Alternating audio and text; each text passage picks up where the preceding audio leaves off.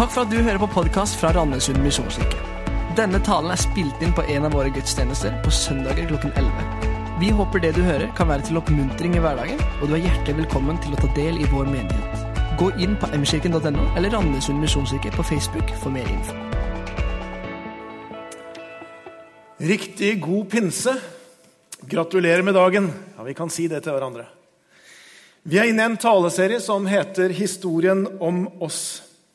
Og Vi snakker i denne serien en del om oss som menighetsfellesskap. Oss som Randesund misjonskirke. Og Roy Elling har snakket de to foregående søndagene om fellesskap, viktigheten av fellesskap, og hvordan vi kan bygge både store og små fellesskap i vår menighet.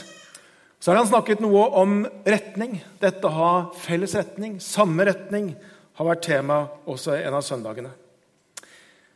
Vår menighet, Randesund misjonskirke, ble stifta i 1984. Men historien vår starter jo egentlig ikke der.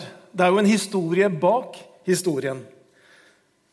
Vi ble plantet ut fra Salem misjonskirke på Lund. Og Salem ble startet som menighet i 1934. Og Så fikk den en vekst og en blomstring pga. en vekkelse i Kristiansand da på midten av 30-tallet. Denne vekkelsen begynte i Oslo misjonskirke, i Betlehem, i 1932, da Frank Mangs entret talestolen. Og Det ble en stor vekkelse som fikk konsekvenser for hele Norge, også i Kristiansand. Oslo misjonskirke ble startet i 1887 og var veldig sentral også når Misjonsforbundet, vårt kirkesamfunn, ble stifta i 1884. Da var det Frank Mangs, en svensk-amerikansk evangelist, som bevirka sterkt det at vi starta da som et kirkesamfunn. Og så har vi røtter tilbake til de store vekkelsene i USA på 1800-tallet. Til, til Spurgeon og ikke minst til Moody. Moody det var jo den menigheten hvor Fransson var utsendt fra som misjonær og evangelist. Og ikke bare det, Vi har også røtter tilbake til den norske presten Gustav eh, Adolf Lammers, som gikk ut av Den norske kirke i 1856 og startet flere menigheter, bl.a. Skien misjonskirke.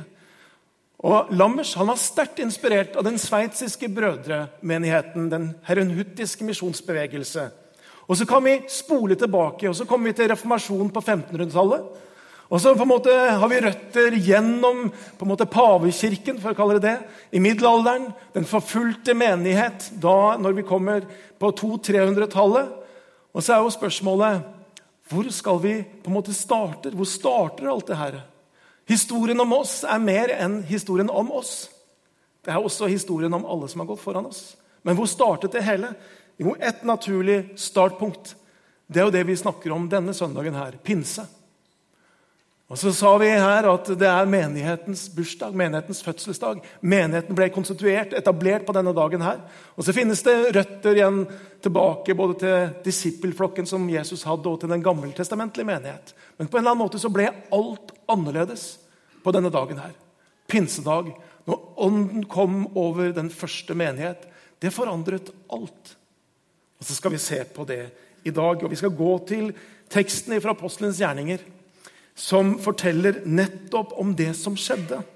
Eh, og Vi skal lese sammen der fra Apostelens gjerninger 2, vers, 13, vers 1-13.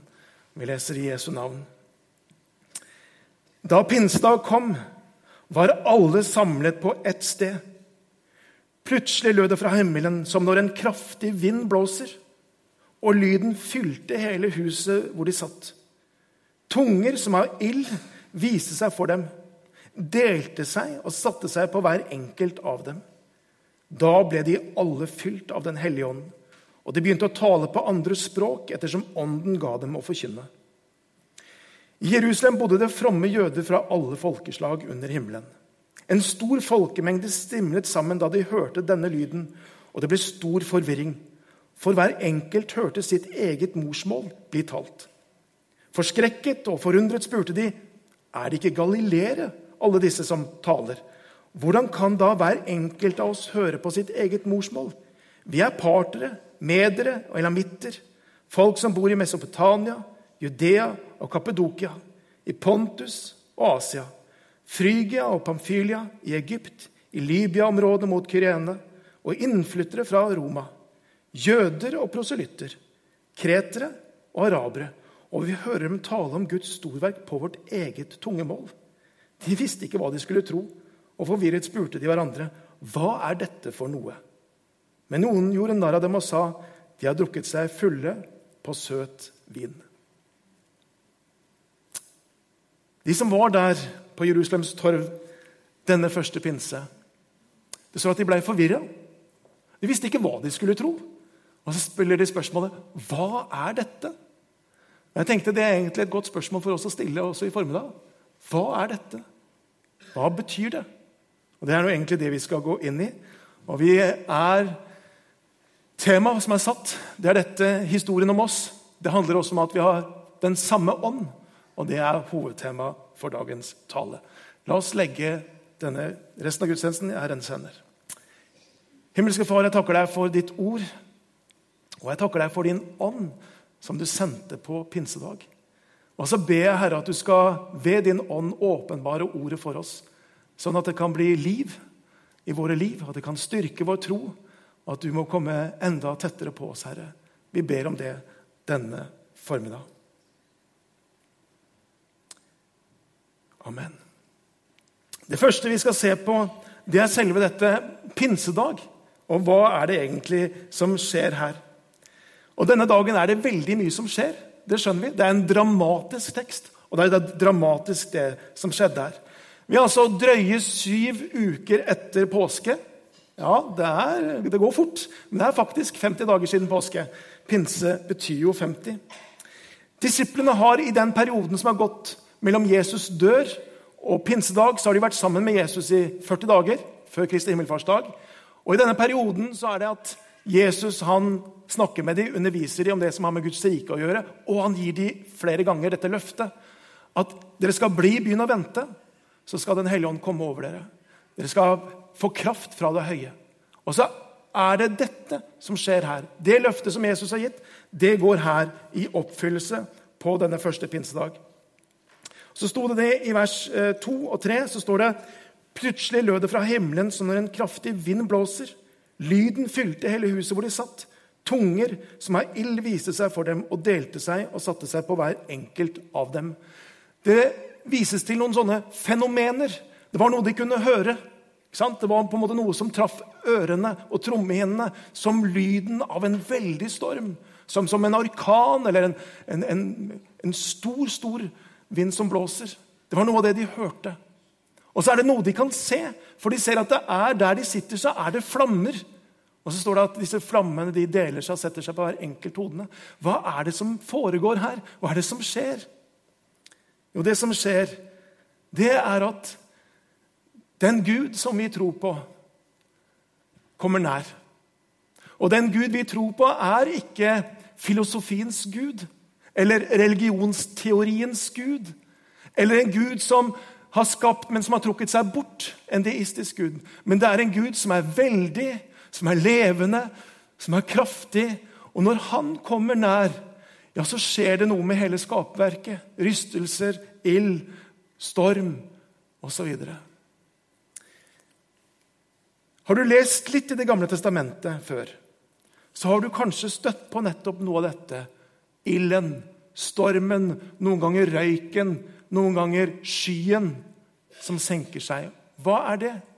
Jo, det er når Gud åpenbarer seg, når Gud kommer nær mennesker. Så var det gjerne gjennom de elementene eller fenomenene på en måte at Gud kom. Vi husker kanskje Moses som møter Gud i tornebusken. Hva var det som var spesielt med den tornebusken? Den sto i brann. Når Israel blir leda gjennom Rødehavet, hva er det som på en måte gjør at de ledes gjennom? Det står at det blåser en kraftig østavind som deler havet. Sånn er det Gud viser seg. Når Israel vandret gjennom ørkenen, så var det en ildsøyle foran dem. Ild, vind ikke sant? Når Gud viser seg, så er det gjennom også slike fenomener. Det har vi mange eksempler på fra Det gamle testamentet. Den Gud vi tror på, når han åpenbarer en bitte liten bit av sin ære en, en millimeter av sin makt, en, en bitte liten prosent av sin, sin storhet, ja, så skjer det noe som gjør at det rystes, og det skakes, og det beveger seg. For en slik Gud er det vi har med å gjøre. En veldig Gud, en mektig Gud. Det sto det i det vi leste, at på pinsedag var de samlet. Og Det betyr at pinse på en måte, det var en fest som allerede var etablert i jødedommen på denne tiden. her. De var samla på en festdag. Hva var det denne festdagen var til minne om? Hva var det de feiret denne dagen her? Og den Pinse betyr 50. Pentakost på engelsk. Penta, pentagram, pentagon. Det betyr fem. 50. Hva var det de feiret 50 dager etter de feiret Exodus-utvandringen av Egypt?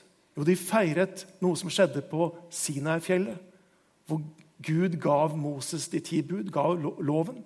Og pinse det var en fest hvor de feiret nettopp det, at Gud gav loven. Det står slik i 2. Mosebok 19 og vers 18 når Gud møter Moses på Sinai-fjellet, så står det hele Sinai-fjellet sto i røyk fordi Herren hadde steget ned på det i ild. Røyken steg opp som røyken av en smelteovn, og hele fjellet skalv. Det var det som de feira. Ser du likheten til pinsedag? Som lyden av en veldig storm. Tunger av ild. Lyden, ilden. Hva er det som skjer? Hva er sammenhengen mellom pinsedag og de ti bud? Hva er det som binder dette sammen? Jo, det er det profeten Esekiel sier i sitt eh, Eller som Gud sier gjennom profeten Esekiel. Jeg gir dere et nytt hjerte, og en ny ånd gir jeg inni dere. Jeg tar steinhjertet ut av kroppen deres og gir dere et kjøtthjerte isteden. Jeg gir min ånd i dere og gjør at det følger foreskriftene mine, holder lovene mine og lever etter dem. Det er interessant. På ny så deler Gud sitt hjerte med folket. Ikke på steintavler, men ved å gi dem et kjøtthjerte. Lover, foreskrifter som er skrevet på våre hjerter. Det er som om troen flyttes ifra hodet til hjertet. Det er som om troen, som på en måte er en slags mal vi forsøker å leve etter med loven, så blir det plutselig et liv her inne. Og så leves det ut derfra. Fra en ny ånd, et nytt hjerte. Og så er det dette underet som skjer på pinsedag. Det er en så radikal forandring at Jesus snakker om at, i samtalen med Nikodemus at det handler om å bli født på ny. Det er en ny fødsel som skjer. Det er noe helt nytt som foregår i det menneskets liv. Og dette er det pinsen gjør. Alt blir annerledes. Ingenting er det samme lenger. Loven som vi strekt, prøvde å strekke oss etter tidligere i den gamle pakt, det blir noe inni oss. Et nytt hjerte, en ny ånd. Blaise Pascal, fransk matematisk geni, filosof, født 19.6.1623. Han forteller selv hvordan han har løpt ifra Gud hele sitt liv til han var 31 år gammel. Men 23. november 1654 på kvelden så møter Pascal Gud. Og han gir sitt liv fullstendig til Jesus Kristus. Og Da eh, Blaise Pascal dør åtte år senere, så finner de i en kappe som han alltid gikk med, så hadde han sydd inn et stykke pergament her ved hjertet. Og på dette pergamentet så har Pascal skrevet følgende det nådens år 1654. Mandag 23. november. Sankt Clemets fest. Fra omkring halv ti på kvelden til en halv time over midnatt. Ild. Abrahams Gud, Isaks Gud, Jakobs Gud, ikke filosofers og teologers. Visshet, inderlig glede, fred, Jesu Kristi Gud. Jesu Kristi Gud, min Gud og din Gud. Glede, glede, tårer av glede. Jesus Kristus, Jesus Kristus, må jeg aldri skilles fra ham. Sier det matematiske geniet Blaise Pascal, som har lagt grunnlag for moderne statistikk og sannsynlighetsberegning og vitenskapsteori. Og så forvandlet det hans liv. Og så skrev han også mange andre bøker om tro etter dette. Så det ene jeg hadde lyst til å peke på, det er dette med hva som skjer på pinsedag. Vi får et kjøtthjerte isteden. Loven er skrevet på helt andre tavler enn steintavler. Det er skrevet på vårt hjerte. Det andre jeg har lyst til å peke på på denne pinsedag, det er at det som skjer her, er så fullstendig nytt og annerledes enn det vi kan lese om i Det gamle testamentet. For også i Det gamle testamentet så kan vi lese om at Guds ånd kom over mennesker. Vi leser om at Guds ånd kom over konger, dommere, profeter, noen ganger kunstnere. Det kom over noen som var utvalgt til en helt spesiell tjeneste. Men hva er det som står i det vi leser her? Det står i vers 3 der tunger av ild viste seg for dem, delte seg og satte seg på hver enkelt av dem. Da ble de alle fylt av Den hellige ånd, og de begynte å tale på andre språk ettersom Ånden ga dem å forkynne. Og Legg merke til uttrykkene 'hver enkelt av dem'. Alle. Alle talte. Hva betyr det? Jo, plutselig så var det noe helt nytt. Nemlig at Den hellige ånd var ikke bare for noen få, men det var for de mange. Det var for alle. Og så tenker jeg Det er ganske bemerkelsesverdig. Nettopp i denne settingen. På pinsedag var de samla kanskje 120 stykker. Disiplene var der, de elleve som var gjenværende. Og så var kvinnene som hadde fulgt med Jesus, var der. Og så var det noen andre også som hadde fulgt etter Jesus. Ca. 120. Og jeg tenker, I den forsamlingen på 120 så tenker jeg aldri noen gang har det vært en gruppe som man kunne tenke burde blitt spesialbehandla. Aldri i noen forsamling har vært en gruppe som på en måte er mer ordinert til tjeneste enn de elleve gjenværende disiplene. Jeg mener, Det var Jesus som hadde valgt dem. Han hadde vært sammen med dem. Han hadde undervist dem. Han hadde gitt mange ganger løfte om Den hellige ånd bare når de, 11 var, eller de 12 var sammen. Så liksom det at Den hellige ånd bare hadde falt på de 11, ja, det hadde jo vært helt greit. Hadde det ikke det? Og så er det ikke det som skjer. Det understrekes igjen og igjen sånn at vi skjønner at dette er viktig. Den hellige ånd faller på alle. Som Peter sier i en annen tale Gud gjør ikke forskjell på folk. Gud gjør ikke forskjell på folk. Guds ønske og vilje det er jo at Den hellige ånd er for alle, ikke bare for noen få som har en lands posisjon eller stilling, ikke bare for én spesiell mennesketype. Ikke bare de som tilhører et eller annet spesielt kirkesamfunn, men at Den hellige ånd virkelig er for alle. Som har tatt imot Jesus, og som vil leve for ham. Det er det som understrekes her. Den hellige ånd er for alle. Og så ser det forskjellig ut. Fordi vi har ulik erfaring, vi har ulik tradisjon med oss, vi har ulik personlighet, så ser det forskjellig ut.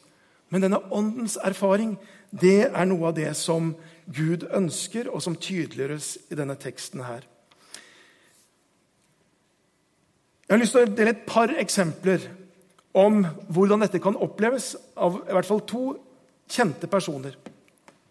Det ene det er industrigründeren og legpredikanten Hans Nilsen Hauge som selv beskriver hvordan ånden kom over han en dag han var ute og pløyde marken. Og så sang han sangen 'Jesus sin søte forening og smake'. Og plutselig så, så sier han så er det som jeg ikke er her lenger. Det er som jeg på en måte løftes opp i en annen sfære. Og så skriver han følgende.: Min sjel følte noe overnaturlig, guddommelig og salig. Det var en herlighet som ingen tunge kan forklare. Ingen kan ta fra meg dette. For jeg vet at fra denne stund var min ånd fylt av alt som er godt. Især kjente jeg en inderlig og brennende kjærlighet til Gud og min neste. Mitt sinn var nytt. Jeg sørget over alle synder og kjente en sterk trang til at mennesker skulle få del med meg i samme nåde. En indre lyst fylte meg etter å lese Bibelen og Jesu egen lære.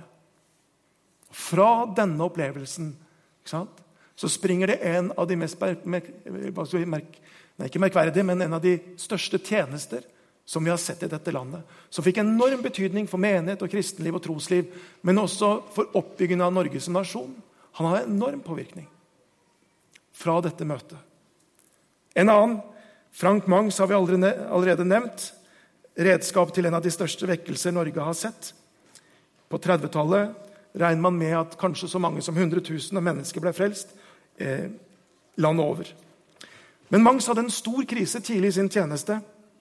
Han kjente på en enorm åndsfattigdom. Han kjente seg så tom og så fattig at et par år ut i hans tjeneste som ung eh, evangelist så var det nesten sånn Jeg har ikke noe å komme. Jeg må bare gi opp. Og så er det en gang her hvor han skal på en konferanse på en, eller på et møte på en øy ute i skjærgården i Gøteborg. Og så kjenner han bare at alt er tomt og mørkt rundt han. Så kommer han på dette møtet, så er det et lite bønnemøte først her.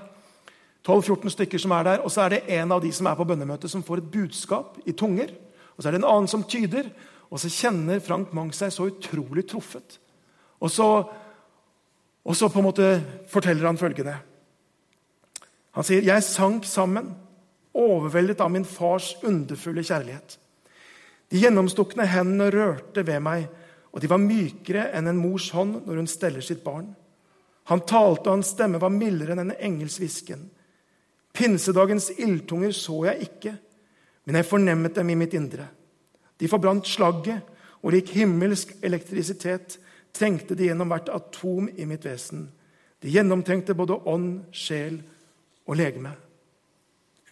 Og så vet vi noe om hvilken tjeneste han fikk. Og så kan vi ikke forstå hans tjeneste hvis vi ikke også forstår det som skjedde her, hvor han erfarte pinse i sitt eget liv. Personlig så er jeg ikke av de mest spirituelle og karismatiske personene. Som jeg vet om, i hvert fall. Jeg er heller på den andre siden av skalaen. Lenge så må jeg si at jeg kjente meg ganske sånn uåndelig og tørr. Så det henger sikkert litt sammen med hvordan jeg er, for jeg er jo ikke det store følelsesmennesket heller. Jeg lar meg sjelden rive med, jeg lar meg i liten grad bevege. Jeg gråter ikke av dramaserier på TV-er. Jeg er mye mer en sånn praktiker, tenker, eh, liker struktur, liker orden. Og så merker jeg at når jeg sier det, så høres det veldig kjedelig ut. Og det er jeg kanskje òg. Og samtidig så er det vi snakker om i dag, for meg utrolig viktig. Teologisk er det viktig. ikke sant? Absolutt. Det er derfor vi har på en måte en av de store kristne høytider er pinse. Teologisk er det ekstremt viktig. Men jeg kjenner altså at det er personlig viktig. Dette som vi snakker om i dag. På en måte erfare noe av pinse i eget liv. Og så har jeg det annerledes. Jeg har det på min måte. Jeg har det ikke som verken Pascal eller Mangs eller, eller Hauge. Jeg har det på min måte. Men jeg vet noe om hvordan det kjennes når Den hellige ånd kommer over mitt liv. Jeg kan gjenkjenne på en måte hvordan, hvordan kroppen min på en måte kjennes da. Noen ganger så kan det være som en, som en tung kappe legges over meg. På en måte som en tyngde. Noen ganger så kan det være som om, om luften blir fortetta og nesten sånn tjukk. Noen ganger så kan det være varme. Noen ganger så kan det være sitring. Og så vet jeg noe om hva, på en måte, hva er det som skjer da. Jo, da kjenner jeg at Gud kommer meg nær. Og Jeg trenger det innimellom. Jeg Jeg kjenner at Gud kommer meg nær. Jeg kjenner at jeg kan bli, bli på en måte løfta opp. Jeg kan se andre perspektiver. For et nytt blikk, nytt perspektiv. Jeg kan kjenne meg elska i det der rommet der. Og så kan det skje her på en av våre gudstjenester. Noen ganger på kontoret, foran PC-en, kanskje når jeg forbereder en tale. Noen ganger når jeg kjører bil alene og har på lovsangsmusikk og, og ber med åpne øyne. Men så kan jeg kjenne noe av det der. Og så tenker jeg det trenger jeg i mitt liv. Det trenger jeg i min tjeneste. Og så sier jeg ikke dette for å framheve meg sjøl på noe som helst måte. Men jeg sier det fordi jeg tror noen av dere kanskje kjenner dere litt i hvordan jeg er som person. Og kanskje har du tenkt ah, pinse og Den hellige ånd. Jeg tror ikke det er helt for meg. Og så har jeg lyst bare å si åpent og si, kanskje er det det likevel. Kanskje er det det likevel. Kanskje er det noe for deg. Kanskje er det sånn at du både kan stille deg på en måte disponibel som at Gud kan fylle deg. For det handler litt om det. Kanskje kan du gjenkjenne noen ganger litt av det Den hellige ånd gjør i ditt liv. Og kanskje kan du tenke på det noen ganger hvor du fornemmer noe. Og så handler det om da å ikke lukke av, men å åpne seg mer. Slik at du kan erfare mer av det Gud og Den hellige ånd ønsker å gjøre i ditt liv. Jeg ønsker at historien om oss som menighet skal være det at det er en menighet hvor vi erfarer pinse. Hvor vi erfarer ånd i våre liv, i vår menighet. For det er på en måte det noe av den rikdommen som Gud har for oss. En veldig god illustrasjon om hva pinse betyr, Det er en gammel predikant, eller i hvert fall det er lenge siden han levde. Han levde på 1600-tallet. Han heter Thomas Goodwin. Nå merker jeg plutselig at jeg har veldig mange illustrasjoner fra 1600-1700-tallet. Men, men. I hvert fall så sier han følgende. Han sier, tenk deg, Se for deg en far og en sønn. Gutt på sånn fire-fem år. Og så går de bortover en vei. Ikke sant? Hold hverandre kanskje i hånda. Og så ser du på de. Og så Når de kommer litt bort i veien, så skjer det et eller annet som gjør at faren han bøyer seg ned. Så løfter han sønnen opp og så på en måte klemmer han godt inntil seg. Så står de der en stund før sønnen settes ned, og så går de videre. Og Så sier Thomas Gudvin var det noen forskjell i relasjon far og sønn fra på en måte når de bare gikk, og når faren plukka han opp. Så tenker jeg, Objektivt så er det jo ikke det. Juridisk var det ingen forskjell. Biologisk er det ingen forskjell. ikke sant? Men så sier han men subjektivt, følelsesmessig, eksistensielt er det en himmelvid forskjell. Så sier han det Gud gjør når han fyller oss med Den hellige ånd, det er å plukke oss opp og ta oss inntil seg, sånn at vi kan kjenne den kjærlighet som er objektivt sann, men slik at vi kan kjenne det og erfare det. Det er hva Den hellige gjør i våre liv. Vi har snakket om pinsedagens fenomener, om lyden av mektig vind og om tungra i ild. Vi har snakket om hva det betyr. Vi har snakket litt om at det er for alle, også for meg. Og så er Det tredje jeg har lyst til å peke på, det er noe, av, noe som også skjer på denne dagen, som er ganske spektakulært og spesielt. Og det er at alle og det er mitt tredje punkt kunne høre på sitt språk. Hva i alle dager er det som skjer her? Vi skal bare lese og minne oss på noen av de versene som vi leste i stad. Forskrekket og forundret spurte de, er det ikke galileere, alle disse som taler? Hvordan kan da hver enkelt av oss høre på sitt eget morsmål? Vi er partere og medere og elamitter, folk som bor i Mesopotamia, Judea, Kapedokia, i Pontus og Asia, Frygia og Pamphylia, i Egypt og i Libya-området, mot Kyrene, innflyttere fra Roma, jøder og proselytter, kretere og arabere. Vi hører dem tale om Guds storverk på våre egne tungemål. Og Det som skjer her, det er jo et helt unikt det er jo et under. ikke sant? Og Sånn sett så har det på en måte en funksjon i seg sjøl, for det viser hvilken Gud vi har med å gjøre, som på en måte kan få dette til å skje. Det er et under. Og Noen var det sikkert sånn at ja, men da, da kan jeg tro på den Gud når jeg ser dette underet. Men, men, det har også en annen type mening. Det har en dypere mening som jeg syns er fantastisk flott.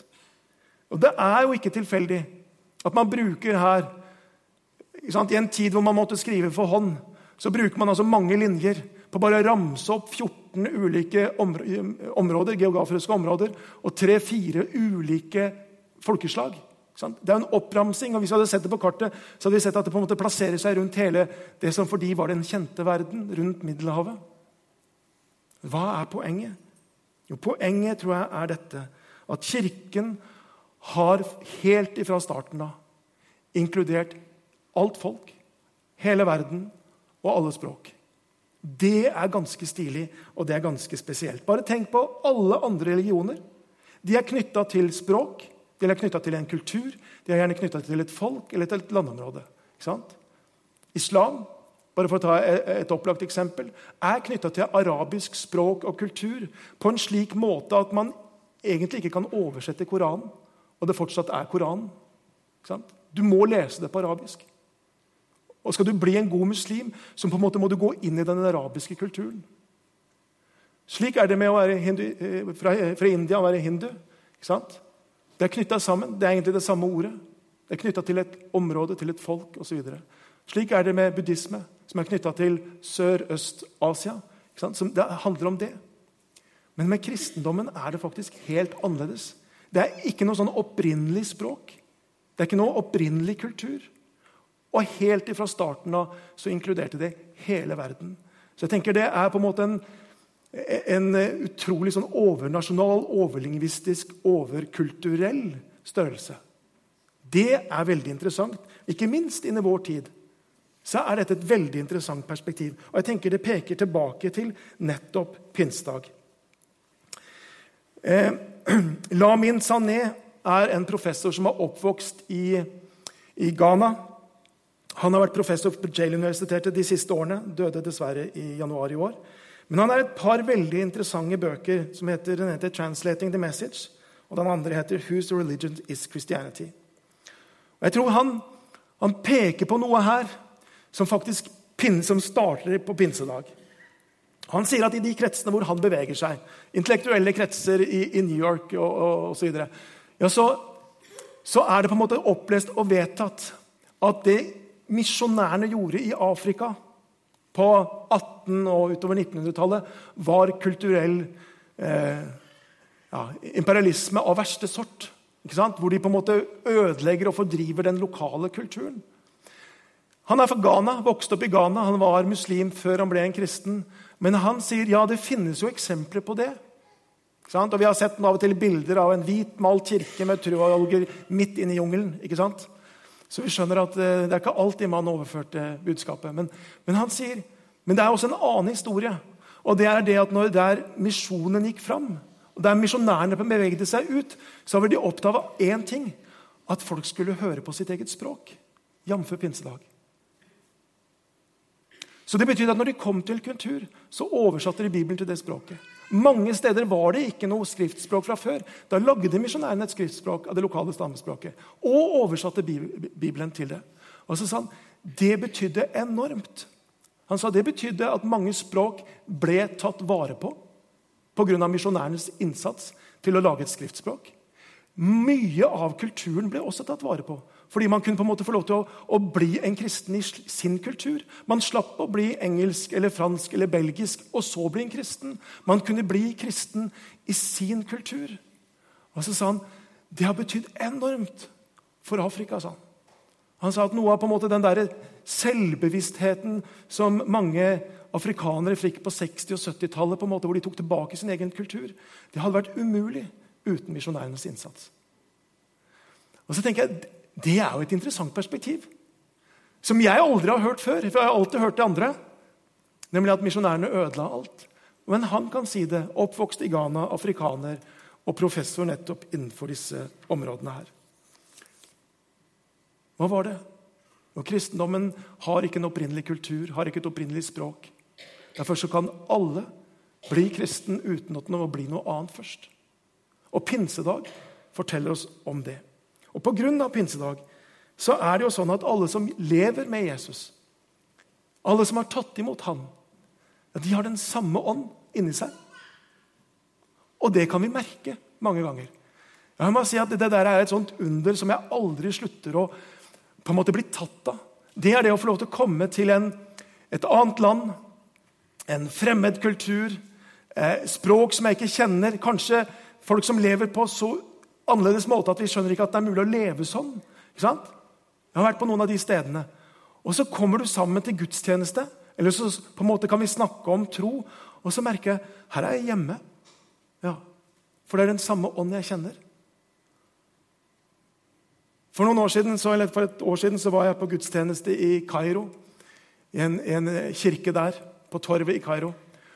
Og så skjønte jeg jo ikke noe av språket. Men gudstjenesten det, var, det kunne jo vært her. Det var akkurat samme følelsen. Det var faktisk mange av de samme sangene. Det kunne vært her. Eller da jeg var i en annen kirke i Israel, eh, Melkittisk kirke som brukte liturgi fra 300-tallet, som eh, bysantisk liturgi, som er den eldste liturgien som fortsatt brukes i noen kirker rundt omkring i verden. Og så var det klart at det var annerledes å være der. Vet du hva jeg kjente? Her kjente jeg meg hjemme. Det var den samme ånd. Det er interessant. Eller å møte kirkeledere fra Usbekistan, Krigistan, eh, Kasakhstan, som jeg gjorde tidligere i vinter. Og så kjenner jeg bare at det er jo som vi har brødre. Fordi jeg kan kjenne at vi har den samme ånd. Det der det er et sånt under. Det er et mirakel. Det er bare på en måte Gud som, gjør, som skaper det der. Og hvorfor? Hvor vi kan kjenne at vi kan kommunisere med den samme ånd, den samme ånd som bor i oss. Slutt meg aldri over, å la meg undre over akkurat det der. Pinse, åndens komme. Alle ble fylt av den samme ånd. Og Så tenker jeg, så er vi her i dag. Og så sitter vi med vår historie. Vi snakket om historien med oss. Men du har din historie, og så vet du hvordan den er. Og så tenker jeg, Kanskje trenger vi på også denne dagen her å be slik som Kirken har bedt i, i snart 2000 år. Kom, Hellige Ånd. Kom, Hellige Ånd. Og stemme i denne urkirkelige bønnen. Og så betyr ikke det at vi tror at Gud eller Den hellige ånd ikke har kommet. Han kom på pinsedag. Men Den hellige ånd trenger å komme inn i mitt liv. Den hellige ånd trenger å komme inn i vår menighet. Så Derfor så kan vi stemme i nettopp denne bønnen og Det tenkte jeg vi kunne gjøre. Så Hvis du har lyst til å være med meg, og så reiser oss opp for, som forsamling og så, Hvis du kjenner deg naturlig, så kan du be akkurat den bønnen. Vi reiser oss opp.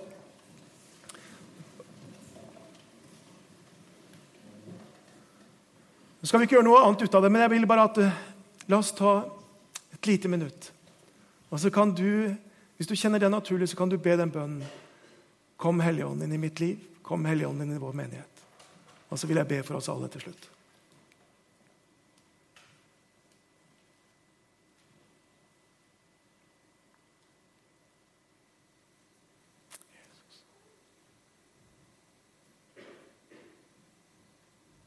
Herre Jesus Kristus, du kjenner hver eneste en som er her.